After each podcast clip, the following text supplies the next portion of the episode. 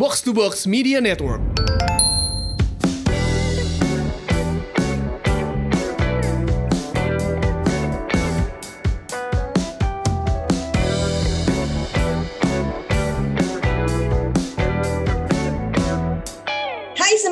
Welcome back. Ini dia podcast Semur, Sehat Makmur. Podcast yang mengajak kamu untuk sehat jasmani dan makmur finansial.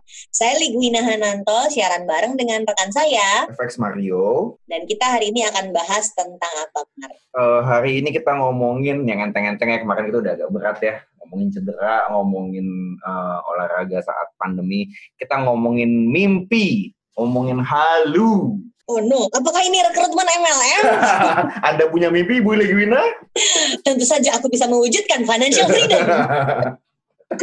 Mari dikunci pintunya dan kita menyanyikan lagu I Believe I Can Fly bersama-sama. Eh, karena ini berhubungan sama olahraga, kita mau kasih selamat dulu buat para pendukung Liverpool. Yeay, selamat akhirnya Setelah juara. berapa puluh tahun? 30 tahun ada nggak sih? Gue 30 nggak tahu. tahun katanya. Gue juga eh, kita berdua bukan anak bola ya. Jadi kalau mau dengerin bola, dengerin podcast box to box lain yang bahas bola ada kok gitu kan. Box to box Ya, bola. kita cuma mau bilang selamat, udah kita nggak akan bahas. Soalnya di luar kompetensi kita.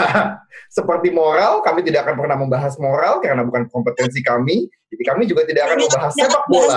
lebih- lanjut. Iya. Cuma mau bilang selamat. Iya, iya. Tapi artinya menang Premier League itu bukan mimpi, itu bisa dicapai walaupun Bisa harus menang di dicapai. tiga tahun. Nah, Iya, iya, iya. gue pengen bully itu aja sih udah gagal dah.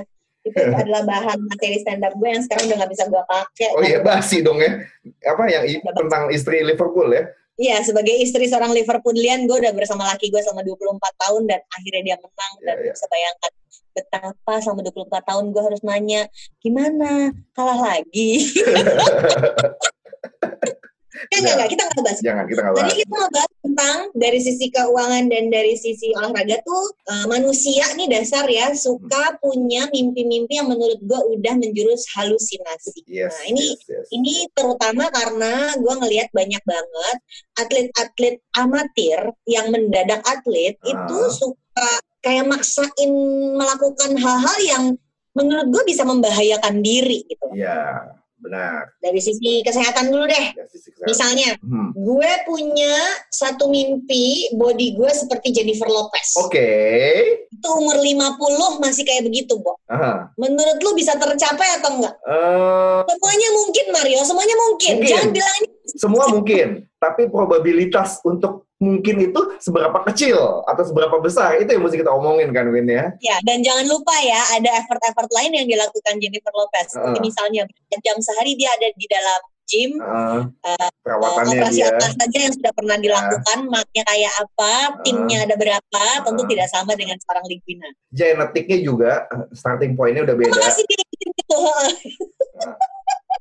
Lo enggak ngomongin ngomongin genetik itu kan kayak kayak ngomongin kalau di financial planning ngomongin lu sekarang punya uang berapa buat buat mencapai tujuan keuangan lo, ya kan? Kalau lo Iya, punya punya uang sekian, lo berarti udah punya modal lebih lebih besar untuk mencapai mimpi lo. Sama kayak genetik, kalau genetik lo eh, udah bagus ya, lo udah punya sedikit Itu unggulan. privilege dong berarti. Privilege, privilege nggak bisa diingkari. Bisa dibohongin. Iya. Eh, apalagi ya, hal-hal yang menurut gue halu kalau di dalam olahraga. Eh, satu gue kalau kalau gue itu eh, mimpinya adalah body seperti Jennifer Lopez di umur 50. Ah. Em, atau ini bisa jadi atlet olimpiade. Bisa sih, Win. Nanti kita kalau nanti Olimpiade udah ada buat senior citizen, mungkin kita masih bisa dapat nih.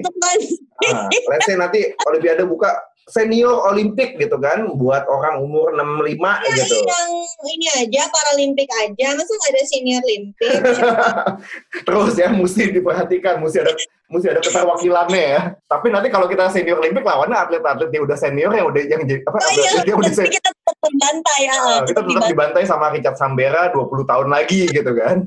by the way Richard Sambel itu kan salah satu atlet olimpiade yang kenal baik ya jadi gue tuh selalu bangga sekali kalau ada di depan dia oh gue ada di depan seorang atlet olimpiade karena buat gue atlet nasional itu ada superhero buat Yes, gue yes, setuju gue setuju. lah gue pernah sama laki gue laki gue tuh ikut triathlon Hmm. dia sih ikutnya yang mini kan bukan yang full Iya, iya, course-nya iya. yang mini yang sprint aja gitu Iya. tapi hari itu kita datang ke Bali, Richard tuh datang sebagai perwakilan salah satu media partner. Oke. Ikut tanding juga, tapi sebagai perwakilan media partner. Ya, ya. Jadi Eksibisi lah, di eksibisi ya, bukan tanding dia ya. pakai name tag, name tagnya tulisannya Richard Sambera Media. Iya. Terus laki gue pakai name tagnya Dondi Hananto Atlet. Itu dia rasanya ya berdiri di sebelah seorang atlet olimpiade dan menjadi atlet itu kok ketawanya kayaknya kayak lima tahun kemudian gue masih ketawa gitu tau gak sih dan difoto dan difoto dengan bangga itu kocak tapi anyway, jadi kenapa ini perlu kami bahas? Karena kami merasa yang namanya mimpi itu cenderung halu, ya kan? Ya nggak sih? Mimpi itu cenderung yes, halu. Yes. Khawatir membuat orang melakukan hal-hal yang berbahaya. Gue suka bercandanya gini, kalau di keuangan gue suka bercandanya gini. Mimpi itu kayak kita lagi main di atas awan, kan nggak mungkin main di atas awan kan?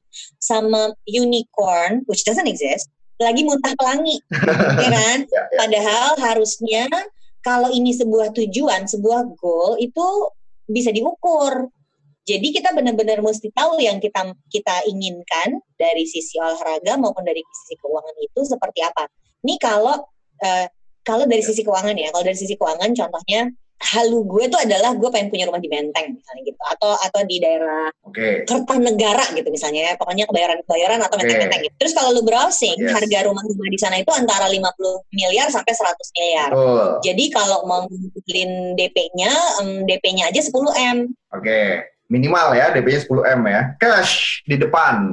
Bukan yang nggak mungkin, tapi Ah. lu bisa bayangin nggak effort kayak apa, size Ah. perusahaan gue harus segede apa untuk bisa punya DP 10 M DP-nya doang. Ya, ya, ya. Beda dong. Jadi jadi universe-nya tuh nggak sama. Kalau gue mau punya rumah di Menteng atau Kebayoran, sama kayak kalau gue mau body gue Jennifer Lopez ya DNA gue nggak bisa kayak gini.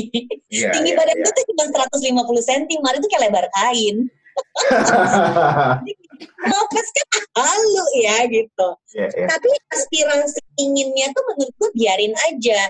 Yang sekarang harus diukur adalah tujuannya mau bagaimana. Jadi kalau di keuangan, tujuan finansial itu gue selalu bilang, kan gue selalu sering bilang tujuan lo apa. Yang menurut gue itu filosofikal yang bisa diterapin di segala aspek kehidupan dong. Yes, gue juga pakai itu di fitness kok. Nah, gue gue gue selalu pakai di keuangan, lu pakai juga di fitness kan? Iya, lo olahraga mau buat apa nih? Hmm, coba dari dari sisi keuangan dulu nih. Oke. Dari sisi keuangan, si tujuan finansial itu biasanya terbagi menjadi tiga elemen. Yes. tujuannya itu udah judulnya apa misalnya tadi pengen beli rumah yang kedua adalah nilainya rupiahnya berapa kalau cuma Ya. ngomong pengen rumah di Menteng tapi nggak pernah ngeh harga di Menteng itu seperti itu PBB-nya aja udah berapa Bo lu harus Iya. punya income kayak apa untuk bayar PBB-nya itu kan nggak pernah kepikir karena kita halu tapi kalau udah diukur oh ternyata gue pengen punya rumah harganya misalnya 500 juta Mhm. kemudian ingin tercapainya dalam tiga tahun. Bisa tuh menyusun rencana untuk mencapai tujuan rumah 500 juta dalam tiga tahun. Bisa diukur dibandingin sama penghasilan gue saat ini ke tiga tahun ke depan. Oke. Itu yang gue lakukan di finansial. Pertanyaannya sekarang kalau ini dari sisi olahraga, dari sisi kesehatan eh, badan gitu ya, jasmani, Mhm. gimana kita menciptakan atau menentukan tujuan-tujuan finansial yang realistis dan gak halusinasi. Oke. Yang tadi, gimana lu nurunin gue dari awan Jennifer Lopez? Dari awal Jennifer Lopez ke Bumi Legwina Hananto gitu ya. Iya. Eh, kalau gue juga ngeliatnya sama kayak kayak misalnya oke eh, oh dulu gue gue pernah sempat lihat kayak misalnya yang beredar di internet tuh meme-nya Cristiano Ronaldo. Oh iya iya iya Misalnya iya. lo iya. makan ini, lo diet nyari Cristiano Ronaldo deh. Lo misalnya eh, seminggu makan ini, eh, eh ini seminggu yang dia makan gitu. Kalau orang ngikutin itu, eh jangan sangka setelah seminggu badan lo bakal jadi kayak dia, kan nggak bisa Nah, juga itu gitu kan. halusinasi berat dong ya. Itu halusinasi berat gak sih? Lalu berat, latihan lo emangnya sama kayak dia. Balik lagi Iya, genetik iya, lo emangnya sama kayak dia. Recovery lo kayak dia. dia. Badan lu tuh beda sama dia.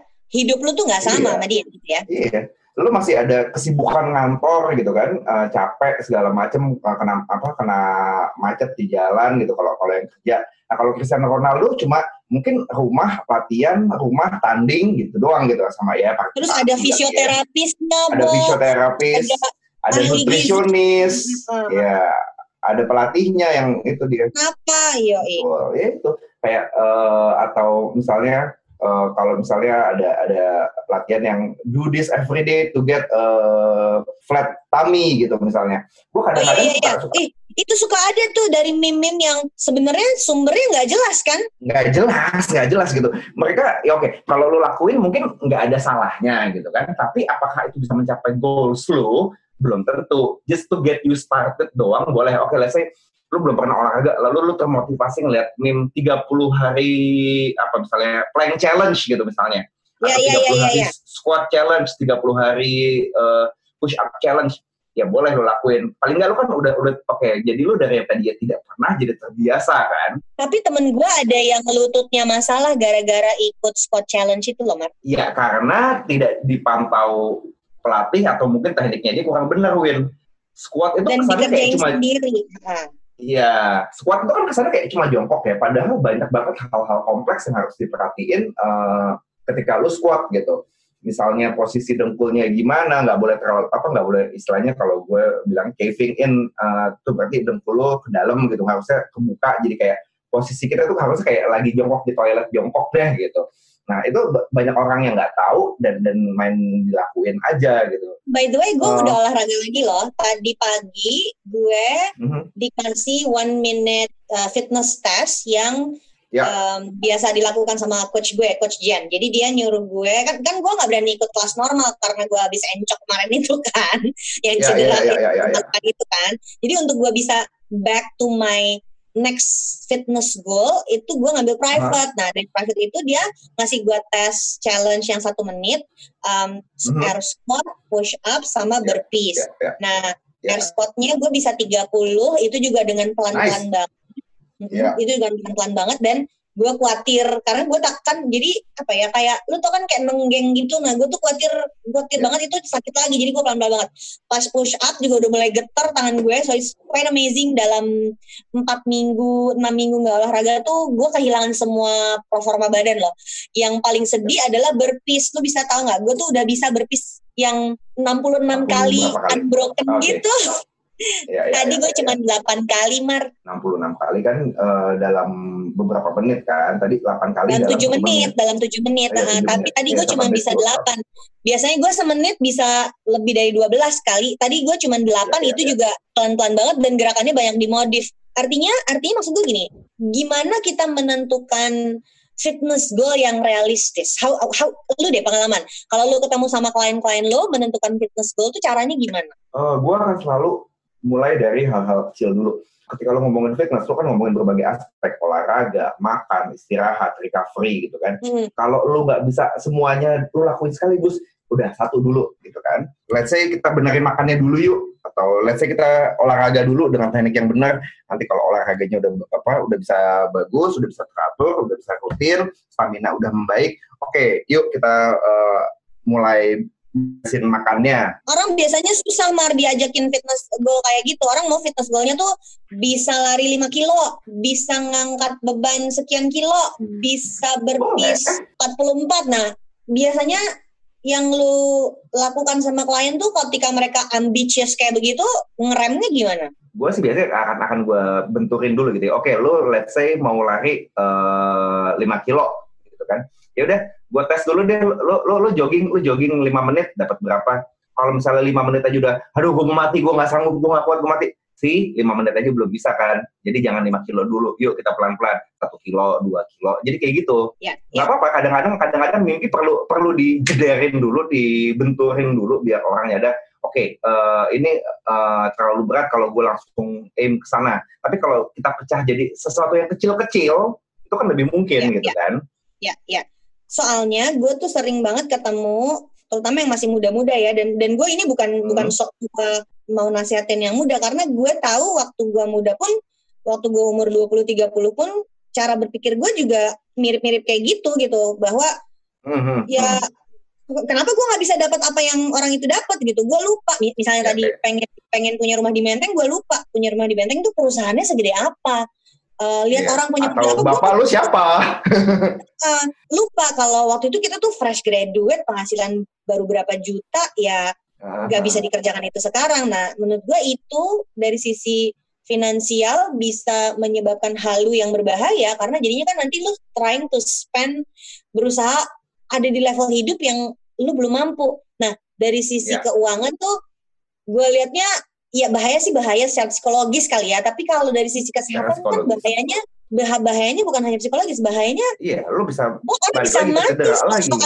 maraton padahal nggak latihan bener gitu loh. Iya, iya, iya, iya, iya. Kalau masih ya, cuma lu, lu nyoba 5K paling misalnya lu nggak pernah latihan lu coba 5K paling ya keram lah gitu kan. Tapi kalau lu tiba-tiba nggak pernah latihan lu ambil 10K, lu ambil HM, resikonya jauh lebih parah gitu, bisa bisa lebih bisa lebih berat gitu.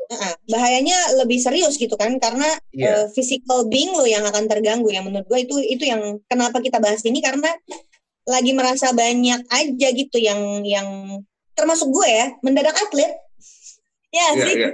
Gue juga ngerti. Uh, misalnya kalau misalnya oke okay deh yang lagi ngetren sekarang misalnya sepeda.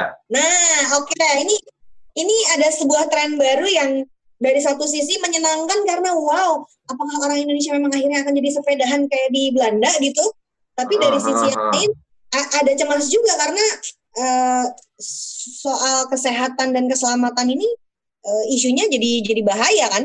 Yes, apalagi kalau misalnya lo baru mulai sepedaan, lo ikut uh, geng sepeda deh, lo punya teman-teman yang udah lebih dulu, yang udah lebih kuat, mungkin udah lebih profesional dibanding lo, lalu lo akan dipanas-panasin kayak gua aja bisa masa lo enggak?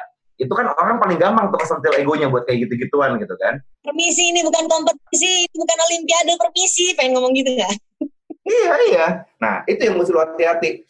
Know yourself dulu tahu batasan lo kalau misalnya geng teman sepedaan lo yang udah berbulan-bulan atau bertahun-tahun duluan bisa kuat sekian puluh kilo, ya jangan maksain. Lo latihan dulu dong sekuat lo. Lo, lo tahu dulu batasan lo bisa uh, sepedaan yeah, yeah. dengan pace pace segini bisa kuat berapa pace lama nih sampai uh, uh, pace at apa uh, uh, ride at your own pace jadinya kan. Gue menemukan ini uh, dan ini sempat gue bahas sama laki gue minggu lalu. Kalau orangnya jago banget, dia malah nggak ngeceng-cengin yang pemula. Iya nggak sih? Jadi kayak Oh, gue setuju banget. Iya nggak? Iya nggak? Iya kan? Jadi banget. ketika ya. gue udah lari 10 kilo, gue tuh ada jumawanya. Oh lu baru lari, berapa kilo? 3 kilo? ada gue rasa ya, kayak ya, gitu. Ya, Tapi begitu gue udah pernah ngerasain 42 kilo dan keram di kilometer 35 dan udah mulai halusinasi di kilometer 30, itu setiap kali ada yang mau lari, gue selalu langsung ribut, ntar dulu ya, ini bukan jarak tamasya. Tidak harus lu lari jadi half marathon sama full marathon, karena ini berbahaya untuk kesehatan. Jadi badan tuh kayak yang gue rasain sesudah gue full marathon gue itu kayak overhaul yang demam tinggi gitu, kayak overheating mesinnya gitu nggak? Jadi ya, ya, ya, kita ya, ya. tuh bukan atlet profesional, makan, tidur, dan latihan kita tuh tidak sama dengan atlet profesional. Jadi si atlet-atlet amatir ini harus betul-betul sadar bahwa badan itu ada batasannya. Um, ada salah satu pelari senior yang selalu nginget-ngingetin gue, uh, Mas Rifa Istamar, tau dong? Tahu, tahu, tahu. Mas Rifa itu pernah bilang gini sama gue, ya Win, your race day, race day is the reflection of your training day. Jadi di hmm. race day itu there's nothing else you can do karena semua itu adalah hasil dari lu training. Dan Riva ya. itu orang yang waktu gue ikut salah satu maraton di Indonesia, orang yang mengangkat salah satu pelari yang meninggal. Jadi orangnya itu kayak 100 meter sebelum finish line drop gitu dan ya, ya, ya dia bener. yang ada videonya dia yang ngangkat, ada video yang berada dia yang ngangkat orang itu masuk ke finish line dan langsung dibawa ke medik. Nah, orang yang udah sesenior itu aja selalu ngingetin untuk tone it down, hati-hati, uh, dan gak ngeceng-cengin orang yang baru mulai gitu. Nah menurut gue ya, ya. perlu di antara atlet-atlet amatir ini perlu saling mengingatkan gitu. Kita tuh nggak dalam kompetisi buat olimpiade, kita tuh nggak ya. punya resourcesnya seperti pelari-pelari maraton atau atau atlet-atlet olimpiade yang ber, berlatih selama sekian tahun untuk mencapai puncak karirnya enggak kita tuh amatiran, kita tuh tidur aja masih berantakan, kita tuh, kita tuh atlet amatir yang buat posting di medsos gitu kan. Iya, iya, iya, iya. Iya soal posting di medsos juga kita bukan model loh. Kadang-kadang orang tuh silau sama sama model-model fitness di medsos atau di media lain gitu kan bahwa oh kalau gue latihan harus begini. Eh jangan lupa yang diposting di medsos itu photoshoot session kondisi sudah dikondisikan, dia akan flexing otot bagian sini dengan lighting dari sini, dengan make up begini, dengan baju begini yang nunjukin otot bagiannya. Jangan lupa itunya. Kenyataannya belum tentu begitu ya. Iya, kalau dia pas lagi nyantai mungkin badannya biasa aja, tapi kan ketika lagi photoshoot, wah semuanya mesti flexing, ototnya mesti dikencengin, muka mesti fierce gitu kan, dananan gimana gitu. Iya, iya lucu juga tuh. Itu yang kadang orang lupa. Dipikir dia sehari, sehari-hari mukanya begitu, mukanya kenceng, ngeliat tatapan tajam, otot menjual di mana-mana. Enggak, bos. Dia hari-hari juga santai aja kayak kita kalau lagi mager ya mager gitu kan. Iya. Iya, iya.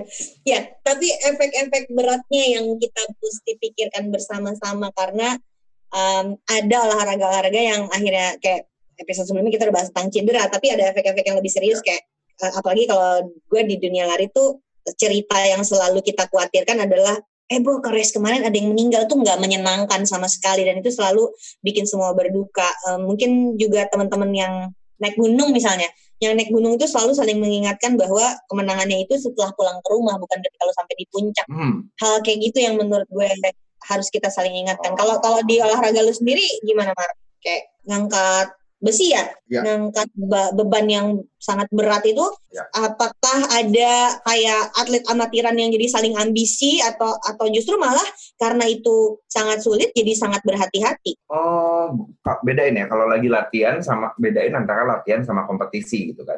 Kalau misalnya kalau kita sama-sama di gym yang modelnya kayak CrossFit gitu kan. Eh, jadi Mm-mm. ada semi semi semi competitionnya, semi semi competition. Jadi artinya let's say misalnya okay, let's uh, finish this work. Tapi kan ada Mm-mm. coach yang liatin di situ. Eh, kalau teknik lu salah akan dibenerin. Kalau lu uh, gerakan lu udah nggak bagus akan di stop atau mungkin akan diganti gerakannya kayak tadi lu bilang ada modifikasi dalam burpees gitu kan.